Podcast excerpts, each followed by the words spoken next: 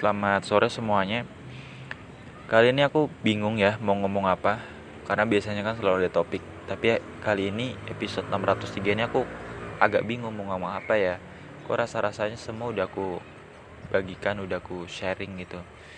Dan aku nggak nyangka ternyata bisa ya aku melewati 600 episode. Kalau aku update podcast lainnya tuh nggak banyak yang melebihi 600 aku pernah lihat itu podcast siapa gitu bahkan ada yang 1600 tapi aku lupa itu podcastnya siapa. Ada yang 900 ada yang 500 di bawahku. Rata-rata itu kalau yang ratusan itu masih berkisar di antara 100 200 300 gitu. Jarang yang sampai 400 500 600 ibarat anime ya ibarat anime itu aku kayak One Piece. Jadi running episode setiap kalau anime itu kan setiap minggu selalu ada kalau aku setiap hari. Bahkan satu hari itu nggak cuma satu tapi lima episode. Bahkan ini kalau aku rutin ya insya Allah untuk menyentuh angka 700 tuh aku butuh waktu 20 hari 20 kali 5 100 20 hari dari sekarang ya kira-kira minggu ketiga bulan November lah udah angka 700 kalau aku hitung-hitung aku bisa menghasilkan 150 episode ya dalam satu bulan. Dan aku bersyukur udah menemukan polanya dalam berkarya dan senyaman itu buat konten. Mulai dari buat tulisan di blog buat tulisan di Instagram meskipun waktunya dinamis. Kadang-kadang malam kadang pagi kadang sore kadang siang. Tapi kadang aku seringnya tuh kalau nggak pagi sore atau malam. Siang itu kayaknya nggak pernah ya. Pagi itu kan suasananya lebih segar kalau malam suasananya lebih sahdu kalau sore itu lebih luang. Biasanya kalau waktu-waktu begini apalagi di hari weekend kan orang bawaannya pengen main-main atau pengen sharing pengen belajar itu lebih nyaman. Nah bicara soal belajar aku suka ganti-ganti nih metode belajarnya sampai aku menemukan caraku sendiri. Aku lebih suka belajar itu dengan cara mendengarkan sama nonton ya. Terutama mendengarkan sih. Kayak misalkan aku dengar podcast itu aku dengerin. Meskipun ya kadang ngantuk. Setiap aku tutup mata pasti bablas tidur entah 5 atau 10 menit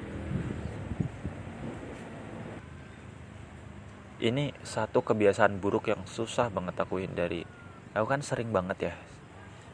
Setiap hari aku tuh belajar ya. Entah itu lewat podcast nonton atau tapi kalau baca buku aku baru mulai lagi hari ini. Kayak tadi nih aku belajar Duolingo. Biasanya kan rutin tapi udah sebulan lebih ini aku udah nggak belajar Duolingo lagi karena frustrasi gitu. Duolingo makin susah. Akhirnya aku coba ganti metodenya. Aku coba pindah-pindah belajar bahasa lain bahasa lain. Akhirnya nemu nih feelnya. Satu jam. Akhirnya udah memulihkan rasa senengku belajar terhadap bahasa asing. Terus belajarku tuh kayak selain podcast aku juga nonton YouTube. Meskipun sekarang nonton YouTube itu jadi makin jarang terus ikut kursus-kursus gitu menarik. Aku ikut kursus di LinkedIn Learning. Itu isinya semua bahasa Inggris. Ada juga yang bahasa selain Inggris. Isinya macam-macam ada tentang teknologi tentang kesehatan mental dan macam-macam. Itu emang langganan sih. Harus langganan. LinkedIn Learning itu nggak gratis. Tapi yang gratis tuh lebih banyak lagi. Meskipun harus kita kurasi lebih detail ya. Kalau LinkedIn Learning kan pasti udah pasti berkualitas lah. Tapi kalau kita mandiri cari di Google atau yang lain itu banyak tapi kita harus teliti. Kayak aku pernah kok belajar di Google itu download PDF PDF download buku-buku tentang apa pun cuma kita meluangkan waktu aja belajar itu. Dan tips belajar itu kita harus tahu dulu kita mau fokusnya ke mana sih. Yang penting itu belajar tuh kita suka dulu bukan soal apa yang kita pelajari. Kita suka nggak sama topik itu? Kalau nggak suka ya udah berhenti jangan belajar lagi. Belajar itu kan buat kita seneng. Kalau belajar malah buat kita susah ini nggak usah belajar. Saranku gitu. Tapi misalkan kalau kamu harus belajar suka nggak suka kayak kuliah sekolah ya mau nggak harus belajar.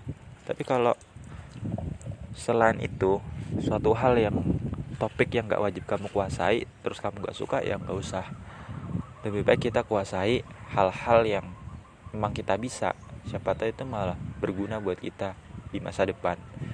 Efek belajar itu emang nggak terlihat dalam waktu dekat. Satu dua hari satu dua bulan. Tapi baru kerasa itu efeknya satu dua tahun ke depan.